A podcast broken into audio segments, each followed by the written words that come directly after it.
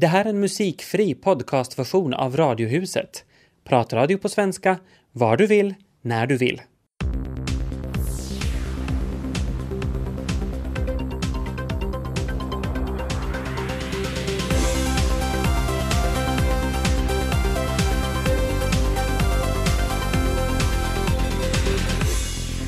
Här börjar Radiohuset. Välkomna in. Vad är det som ger gamla föremål patina? Vi ska prata om antika föremål och auktioner idag. Och Bäggskuddardagen firas idag. En dag när glädjen och godisen men också ketchupen och raklödret yr omkring. Ami Lassila och Tobias Larsson är med dig fram till fem. Välkomna med! Joakim Borgström, du är antikexpert på auktionskammaren Bukowskis. Välkommen till Radiohuset. Tack så mycket. Eh, vad är det till att börja med som ger ett föremål antikvärde? Det där, det finns eh, Det är ju alltid frågan om ett eh, utbud och efterfrågan. Och mycket har att göra med det där att föremål som, som har en intressant historia så, så har en, en efterfrågan och, och många saker är samlingsföremål. Och det ger dem ett ekonomiskt värde. Människor vill, vill äga dem på nytt så att säga. De har ett andrahandsvärde och kommer ut på marknaden igen och, och människor vill köpa av dem. Hur tydligt märker man trender i antikhandel? No, antikhandeln har förändrats ganska mycket på senaste tid och vi har gått mycket mer in mot en så kallad inrednings, inredningstrender. Och, och tidigare var antikmarknaden mer fråga om, om samlande, att man samlar på vissa föremålskategorier som koppar eller, eller det där gammalt silver och sånt här. Men idag så, så söker människor mera till sina hem liksom unika pjäser som, som de vill, de vill så att säga krydda, krydda sin, sin egen inredning med. Ni har också börjat sälja antikviteter på nätet. Hur fungerar det? Hur går det till?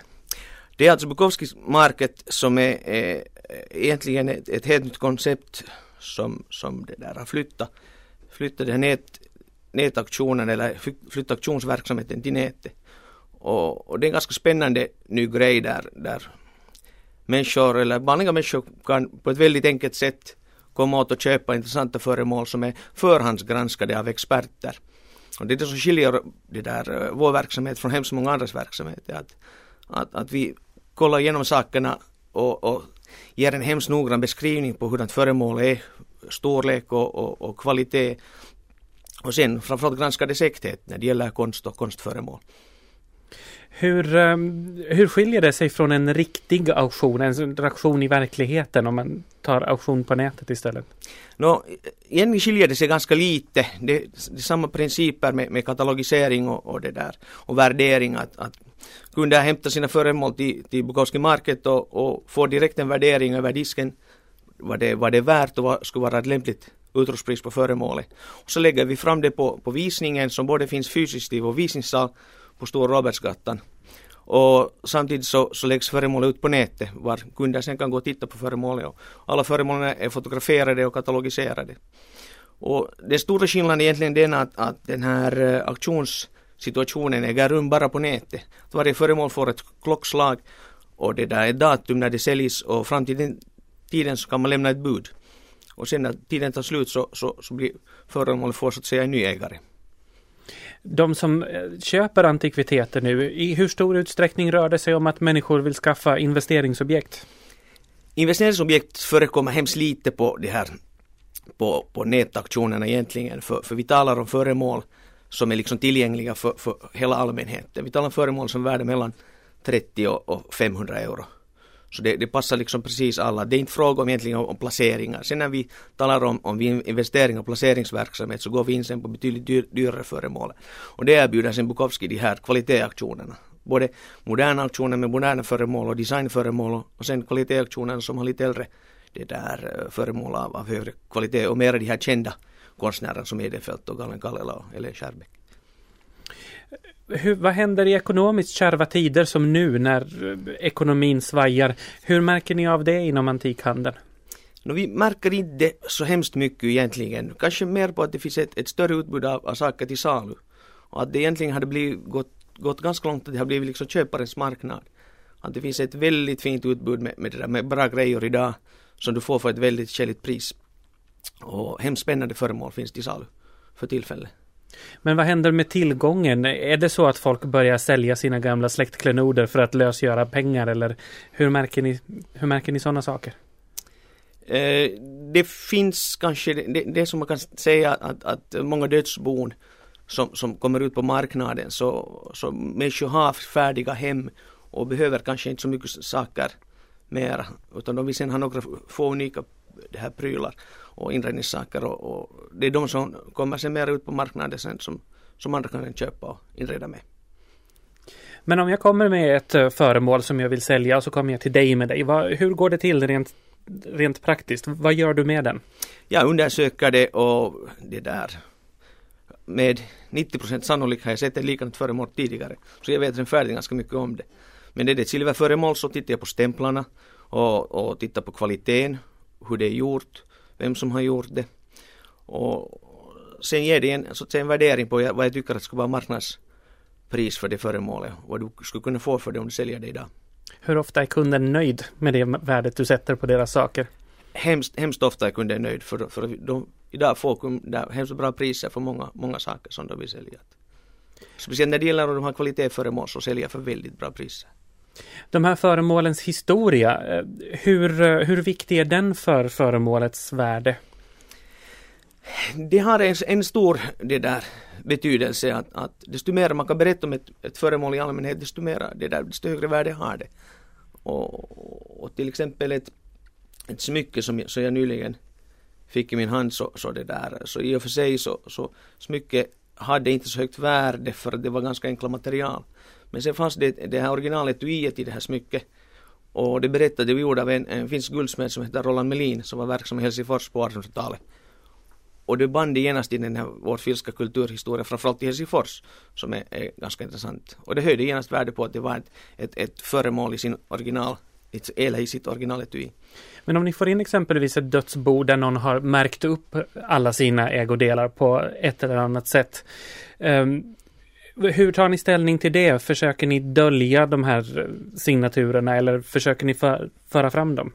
Uh, om det är en, en, så att säga, en intressant person som, som är allmänt känd så med, med det där arvingarnas till, tillåtelse så, så, så kommer vi fram med namnet. Till exempel när vi sålde föremål som har tillhört president Kekkonen här nyligen. Uh, men, men annars när det gäller vanliga människor så, så vi kom, då, då kommer namnen inte fram. Vi aktivt försöker inte gömma det på något sätt men, men det där, men vi marknadsför det inte heller. Finns det, det där exlibrit signaturer i, i böcker eller står bakom en tavla så inte tar vi bort det heller. För de flesta så har det inte så stor betydelse egentligen vem som har ägt det föremål tidigare och när det gäller vanliga människor. Varför började du själv jobba med den här, med de här sakerna? No, jag har gjort det här snart i 20 års tid och, och det där och det började hemskt tidigt, blev jag väldigt in, intresserad av gamla saker. Och sen historia har alltid fascinerat mig och jag har vuxit upp i en miljö där det funnits ganska mycket gamla saker och både mina föräldrar och farföräldrar var väldigt intresserade. Så det ligger lite sådär i, i, i blodet nästan. Av alla föremål som dyker upp, vilka hör till dina absoluta favoriter? Nu på senare tid så, så, så har jag sett väldigt spännande föremål som, som det där kom emot och det där eh, kanske det intressantaste föremålet som, som, som vi blev erbjudande var en, en, en kamel gjord av guld som var ungefär 20 centimeter hög och jag hade svårt att tro mig att den faktiskt var guld men den var väldigt bra stämplad och den var ins, införskaffad i, i Kina för en, en 40 år sedan. Då när guldpriset var väldigt lågt och då var det liksom en, en helt spännande föremål. Men det var något som jag aldrig sett tidigare. Helt unikt. Tack så mycket för att du kom till oss, Joakim Borgström från Auktionskammaren Bukowskis. Tack så mycket. Idag firar mer än 40 000 Abi Abi Abi, alltså Benkis. Och alla kommer ihåg sin egen penkisdag. Den där härliga känslan av att skolan är slut och okej, okay, studentskrivningarna är kvar förstås men, men världen är öppen. Man kan göra vad som helst och jag hade ljusblå rosetter i håret och hoppade som en besatt där på lastbilsflaket. Jag är så glad för dig att du får ha de här minnena. Jag har ju aldrig haft någon penkisdag. Jag ju, mm, vi, har ju inte, vi har ju inte sånt i Sverige. Vi åkte nog, vi åkte nog traktor men då var allting då var allting klart och färdigt och man hade den vita mössan och allting sånt. Mm. No, det här är tydligen någonting helt unikt för Finland och man har hållit på med det ja, hundra år eller mm. något sånt så länge det har funnits studentskrivningar. Och nu idag så, så är det lite olika traditioner i olika skolor. Vi hade alla såna overaller på oss men i många skolor så klär man ju ut sig och det är roligt. Och lärarna får sig ju vanligen lite så här i abispex eller sånger och jag vet faktiskt att många lärare går omkring och bevar på förhand för det där för de kan ju vara ganska stygga. Och, ja, i den där åldern förstår man inte riktigt än vad som tar, vad som tar illa och vad som, vad som på riktigt är roligt. Mm, och, och dessutom är det ju en konst för vem som helst att göra något som är roligt samtidigt som det inte är fräckt och fult. Men det som jag har funderat på så, så i många skolor nu så sprutar man omkring sig saker. Ketchup och raklödder och vispgrädde och det här tycker jag, jag har lite svårt att förstå det här. För mm, jag har pratat med folk här på jobbet och det är många som minns det här att i deras skolor så har man ungefär vadat omkring i någon här äckliga gamoja i skolan och, och toaletterna har söndrats och pulpeten har tejpats ihop till högar i klassrummen. Alltså ren och skär vandalism helt enkelt. Och, och sen kommer en del ihåg de här penkisdagarna med, med skräck, att man bevade för att gå till skolan för att det var otäckt det som väntade och den som var mobbad fick sig kanske lite extra mycket den dagen.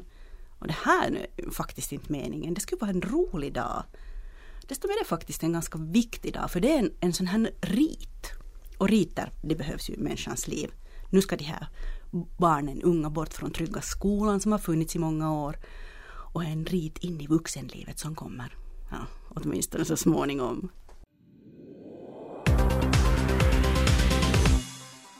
Ja, Ville Holmberg, du är läkare och jobbar på den här Global Clinic som alltså vårdar papperslösa personer. Den har funnits i ungefär lite på ett år nu och verksamheten rullar på men det där, skulle du kunna berätta lite mera om den här kliniken?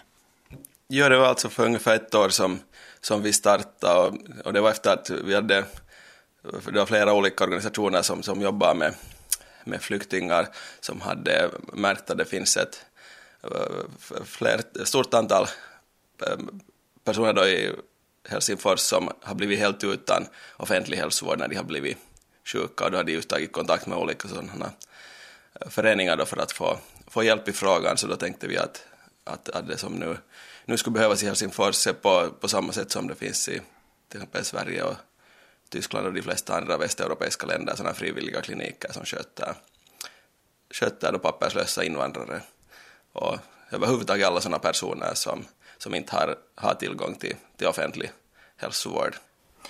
Hur har det gått det här första året? Det har nog bra, bra kommit igång och vi har haft ungefär mellan fem och tio patienter per gång, att vi har den öppen en kväll i veckan. Och det, där, det har varit ungefär just, just vad vi har klarat med den, den kapacitet vi har. Ofta har det varit en eller två läkare på plats och, och det där, två Eh, sjukskötare och sen, sen har vi haft tolkar också där på plats. Det har kanske varit den största utmaningen att få få tolkar för att för det är just att när man på förhand inte vet att vilka, vilka språk det är man skulle behöva, att engelska går förstås bra men att, men att sen största problemet har egentligen varit, varit rumänska och, och bulgariska för att, för att det har egentligen varit den, den största patientgruppen har varit romer från Östeuropa och spelat från Bulgarien och Rumänien som på det sättet en intressant grupp att de är ju egentligen inte, inte papperslösa invandrare för de är ju inte på något sätt olagligt här utan de är helt helt lagligt här inom ramen för EUs regler om fri rörlighet. Men att eh, deras speciella problem är att eftersom de inte i sitt eget hemland heller har tillgång till, till sjukförsäkring och offentlig hälsovård så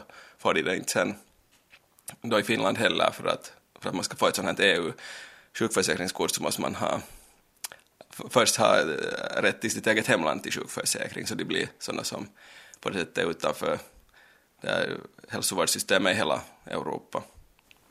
Vad mer kan man säga om de människor som kommer dit så här beskrivande, annat än att mycket då från Rumänien och Bulgarien? No, det är förstås det är ingen homogen grupp utan, utan tvärtom liksom människor med hemskt blandad bakgrund och, och det där det finns eh, många som det där kommer från hemskt svåra förhållanden och kan ha direkt varit med om, om tortyr och, och, och det där faktiskt måste fly från hemskt svåra förhållanden. Men å andra sidan finns det också sådana som, som kanske inte eh, har kommit med, det kan ha varit utbytesstuderande till exempel som har kommit med, med helt eh, lagligt visum till Finland. Men sen när visumet har tagit slut så har kanske de har fått en, en där pojke eller flickvän i Finland och tänkte att de vill stanna kvar. Och sen har de blivit kvar i landet så att säga.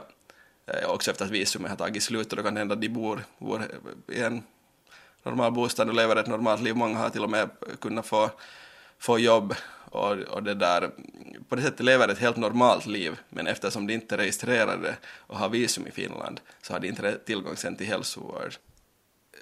De problem de har är också helt, helt typiska hälsoproblem som man ser på, på hälsocentraler i, i, i Finland. Att överraskande få hade kanske varit som har varit på något sätt allvarligt sjuka. Att, att under det här första halvåret som vi hade öppet var det bara fem patienter som vi hade skickat vidare till sjukhus som vi då har tyckt att har varit så svårt sjuka att de har behövt jourmässigt sjukhusvård. Att, att det, där.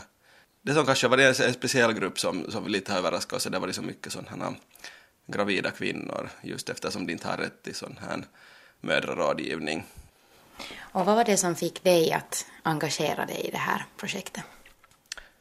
No, framför allt det att både i mitt vanliga arbete inom offentliga sjukvården så har man stött på patienter just med det där invandrarbakgrund och, och som då inte har, har sin rätt i samma, samma hälsovård som finländare och det har kännats, kännats hemskt fel att se att vissa faller helt utanför det här vårdsystemet tror att det är samma som många andra läkare också har sitt och blivit frustrerade att, att då inom offentliga vården så är det vår arbetsgivare som säger att, att, att vilka patienter vi får sköta om och vilka vi inte får sköta om. Och då har det kännats att eh, enligt det här eh, läkaretiken så hörde att man ska sköta alla människor oberoende av, av bakgrunden och oberoende av nationalitet och religion och så vidare. Så, så det där, därför känns det hemskt konstigt att de här, de här offentliga sjukhusen då, då hindrar en från att sköta vissa patienter.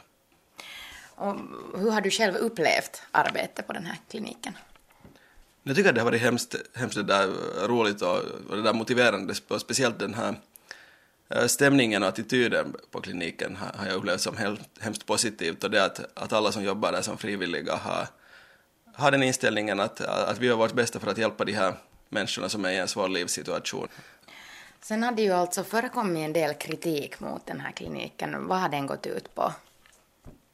No, jag tror att i första hand så är det kanske eh, folk som har tyckt att, att, att, att de, en av de här människorna är olagligt i Finland, att man, att man i, inte borde stödja olaglig verksamhet, men att eh, jag tycker att det, det är ett ganska konstigt argument för att eh, jag tycker att som läkare måste man ändå se på att om människor är i nöd måste man, måste man hjälpa. Det är en helt annan fråga, det att hurdan, hurdan invandringspolitik Finland har och hur, med vilka kriterier man ger uppehållstillstånd och man tar in flyktingar, men jag tycker grundutgångspunkten måste vara det, de som en gång finns i Finland, så då har vi som samhälle ansvar att, att sköta om dem och hjälpa dem och, och ge dem hälsovård.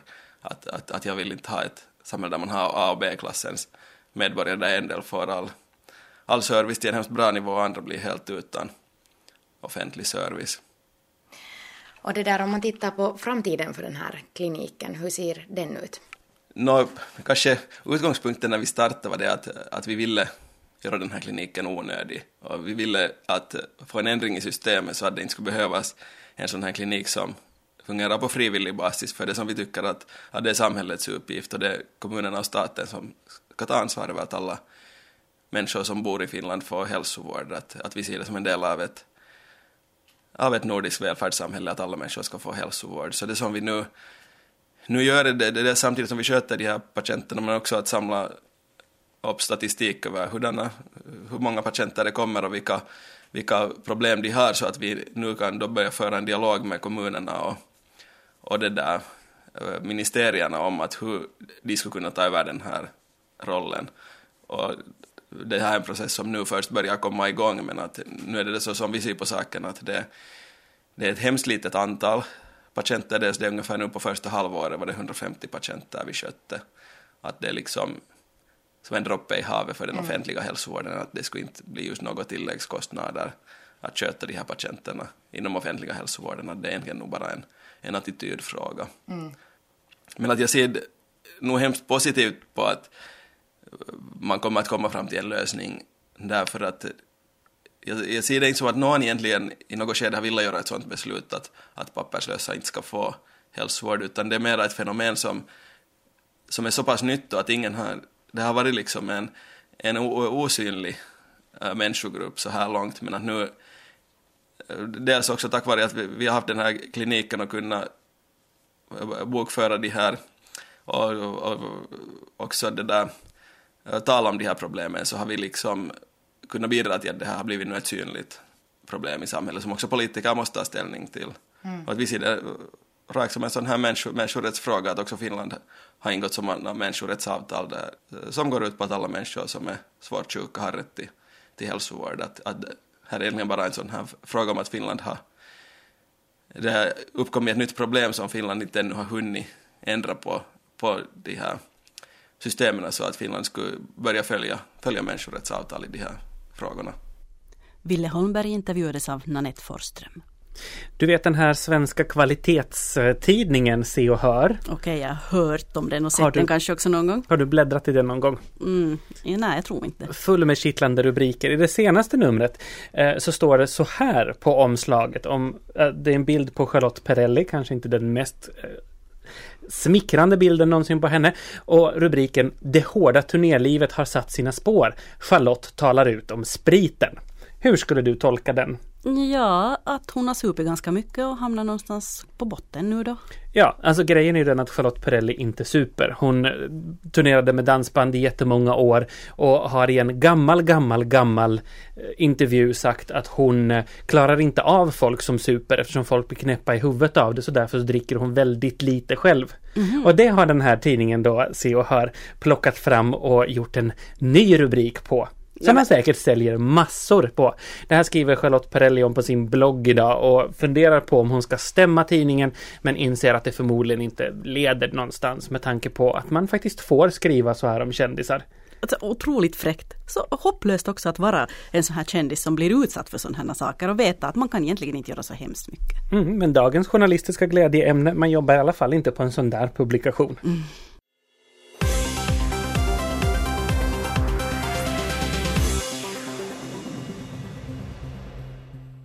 Ja, Patrik Schön kom in här för att berätta om kvällens spotlight som ska handla om Indien. Varför det? Uh, Indien är en ganska viktig tillverkare av läkemedel, både själva läkemedlen men också de här läkemedelsråvarorna. Och uh, en längre tid har man följt med att vad, vad, liksom, vad blir miljökonsekvenserna av det här? För uh, kanske var det en fem år sedan så hittade svenska forskare enormt höga halter av läkemedelsutsläpp utanför ett reningsverk. Och det visade sig att de företag som för sitt avfallsvatten till det här reningsverket. Så det är samma, människor, samma, samma företag som gör de mediciner som vi äter inom EU-området. Så, så därför blir det på något sätt en, en, en koppling från ett reningsverk i Indien till plötsligt eh, ja, nästan alla EU-medborgare som äter någon form av mediciner.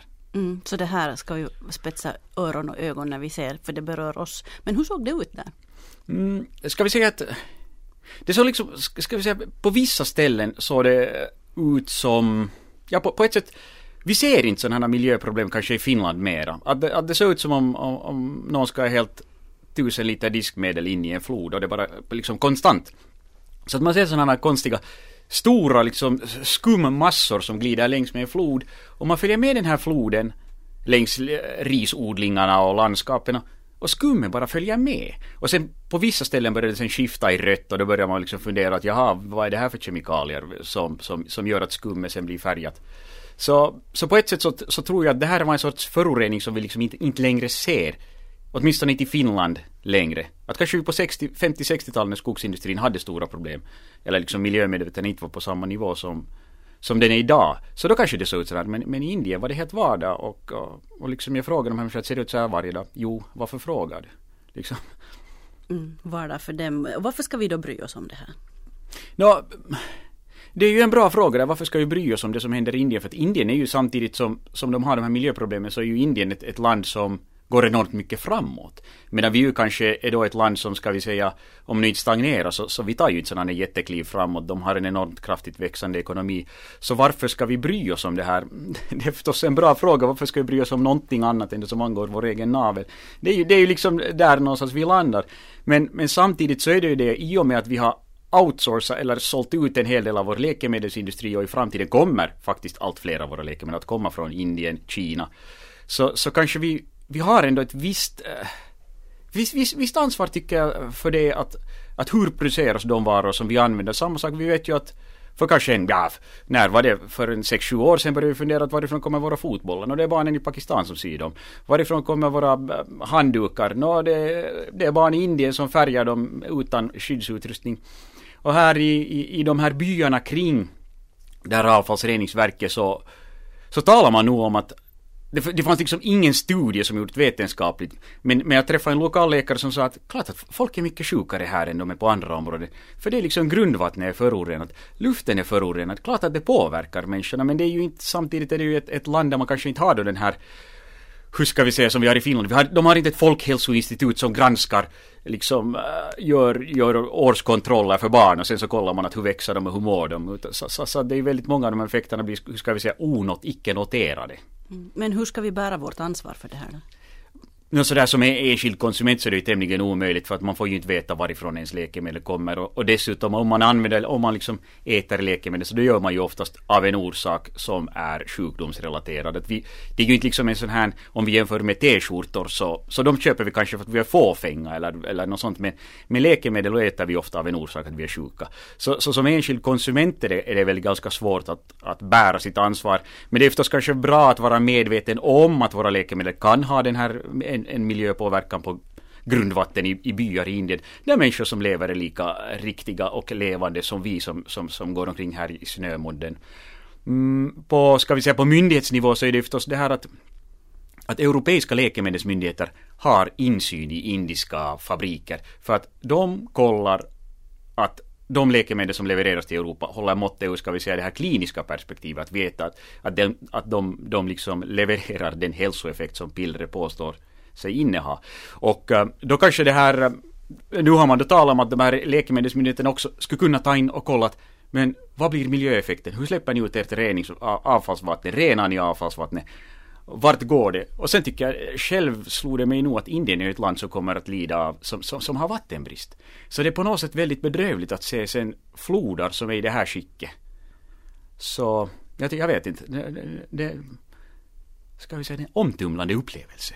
Mm, och det får vi se då i Spotlight ikväll 21.30 på FST5. Tack Patrik Schön. Tack. De har fått en ny lag i Kanada. Den har införts för att öka flygsäkerheten och det är ju vackert så. Vem vill sitta och vara rädd när man flyger? Men det resultatet har blivit lite snett skulle man kunna säga. Eh, man har alltså publicerat en lista med anledningar till att vägra människor att gå ombord på flygplan. Mm. Um, och det finns en massa kriterier, men ett av de här kriterierna är Personen verkar inte vara av samma kön som identitetshandlingen visar. Mm, det var lite besvärligt det där. Betyder det inte att man då misstänker att den här människan inte är den som den utger sig för att vara? Är det inte det som de menar? Ja, det är det de egentligen menar, men nu har de formulerat det så här. Uh, och det betyder ju då alltså att transsexuella människor inte får flyga flygplan. Eftersom identitetshandlingarna ju ofta då är, om man säger könet man är född med så är det uttalat. Jag menar Jean-Claude kanske lever som Claudette men heter fortfarande Jean-Claude i sina identitetshandlingar. Mm, de kanske inte hade tänkt det här alldeles nu tillräckligt mycket hur det ska skjuta. Eh, så de här föreningar som finns i Kanada för transsexuellas väl och ve och de behövs ska gudarna veta för är det en grupp som verkligen diskrimineras i samhället så är det transsexuella. Eh, de har då påtalat att det här är ren och skär diskriminering och det här fungerar inte. Myndigheterna har svarat att att oj, ja så hade man ju inte riktigt tänkt på saken men eh, om man bara har ett läkarutlåtande med sig så, och visar för personalen som ska släppa på en på planet så, så löser sig allting. Och då svarar föreningarna tillbaka att att vara transsexuell är inte en sjukdom. Varför skulle man ha papper på det? Oh, det här blir bara värre och värre. Ja men det är just det. Eh, ett stort antal transsexuella, alltså alla de som inte genomgått köns, könskorrigerande kirurgi, de har ju inga papper på det. Mm. Varför skulle man gå till doktorn och säga att hej ursäkta jag är transsexuell, kan jag få papper på det? Eh, ja, i alla fall, den här debatten rasar vidare i Kanada och jag gissar att sista ordet inte är sagt i den här frågan. Nu hotas ytterligare en homosexuell man av utvisning till ett land där han riskerar förföljelse, i det här fallet Zimbabwe. För ett par veckor sedan stoppades däremot avvisningen av en homosexuell man till Iran. Advokat Juha-Pekka Hippi har företrätt klienter i liknande fall. Jag frågar honom hur han reagerade på den stoppade avvisningen. Så jag var glad för att det klarifierade den här situationen som det har varit. Till exempel eh, det här fallet eh, insåg att man behöver inte vara i garderobet och att eh, till och med man behöver inte tänka sig att liksom flytta inom landet någonstans om det inte finns möjligt. Och eh, för några likadana fall så det är ju ett bra beslut. För att då kan eh, de där under domstolarna, för, förvaltningsdomstolarna och Migrationsverket har lite någonting att tänka på när de fattar beslut i likadana fall.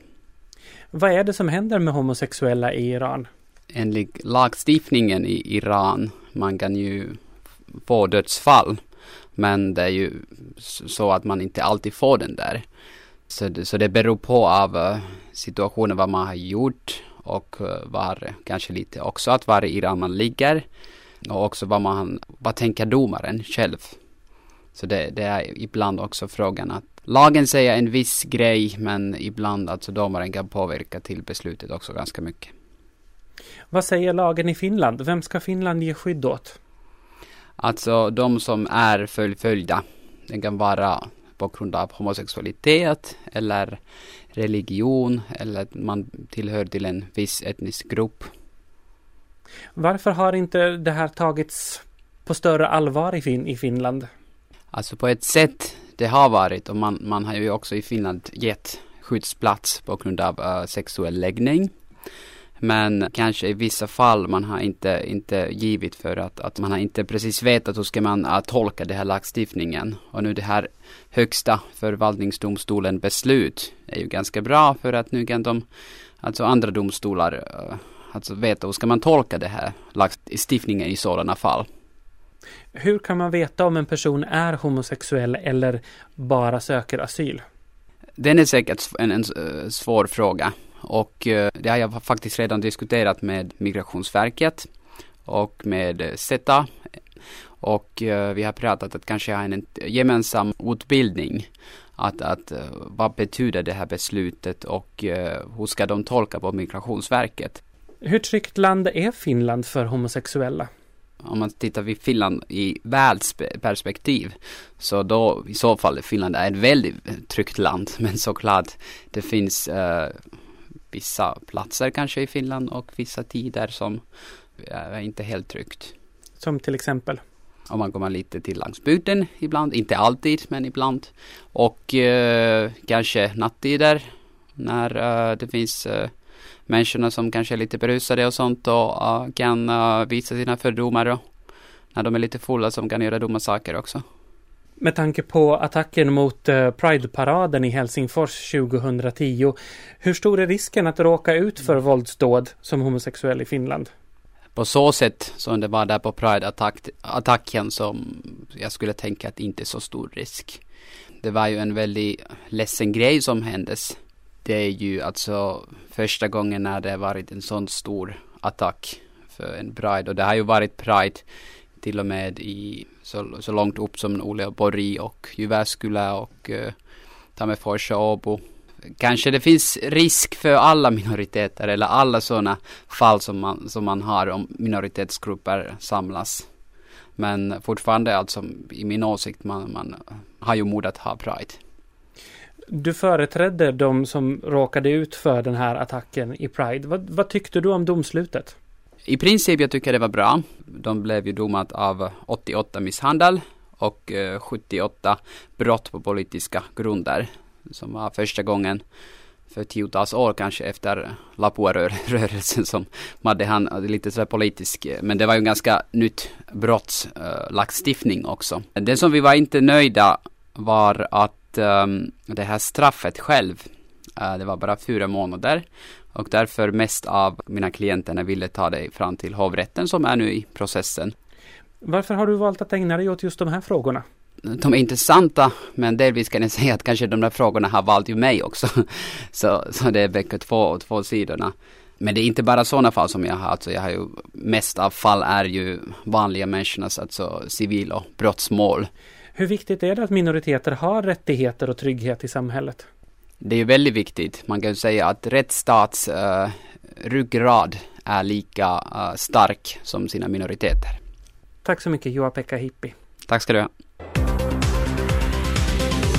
Jag kommer ihåg att när jag var liten så bad jag alltid Gud som haver barnen kär när jag gick och la mig. Annars hade jag inte någon speciellt religiös uppväxt men aftonbönen den hörde till. Jag vet inte om barn nu för tiden ber aftonbön. Min son han gör det i alla fall inte. Helt enkelt för att jag aldrig ens har kommit på tanken att lära honom det. Det står ju i fadderbreven att faddern, eller faddrarna, ska vara delaktiga i gudbarnets kristna fostran. Så jag väntar bara på att min sons gudföräldrar ska ta tag i det där. Inte för att jag själv har varit speciellt aktiv när det kommer till den kristna fostran när det gäller mina egna gudbarn. Och ja, ni förstår säkert alla att jag inte är helt allvarlig när jag säger att gudföräldrarna ska ta tag i aftonbönen och det där. Nå, ni kanske undrar varför jag nu mitt i allt har börjat tänka på sonens religiösa fostran. Jo, det är nämligen så att vi bor bredvid ett bönehus.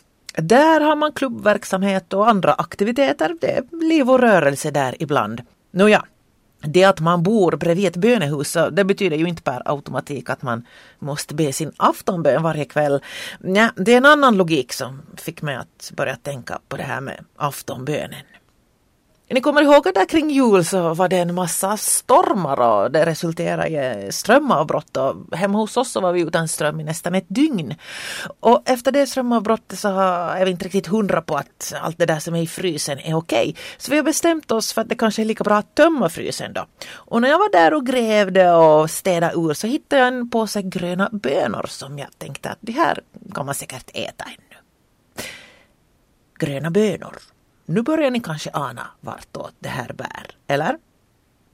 Nåja, jag tillredde de här bönorna och sonen, snart fyra, har visserligen ätit bönor förr men kanske glömt bort det för han var grymt fascinerad av dem. Bönor!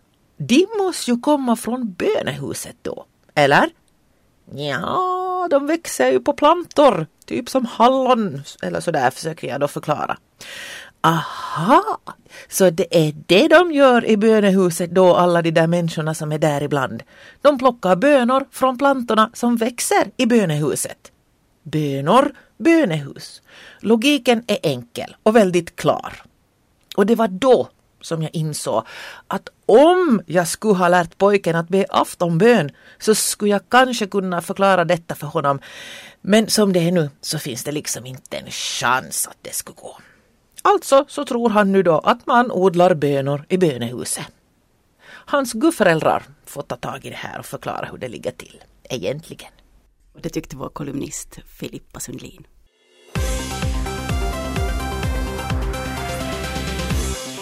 Det här var en musikfri podcastversion av Radiohuset som sänds i Radio Vega måndag till torsdag. Mer information om programmet hittar ni på svenska.yle.fi radiohuset.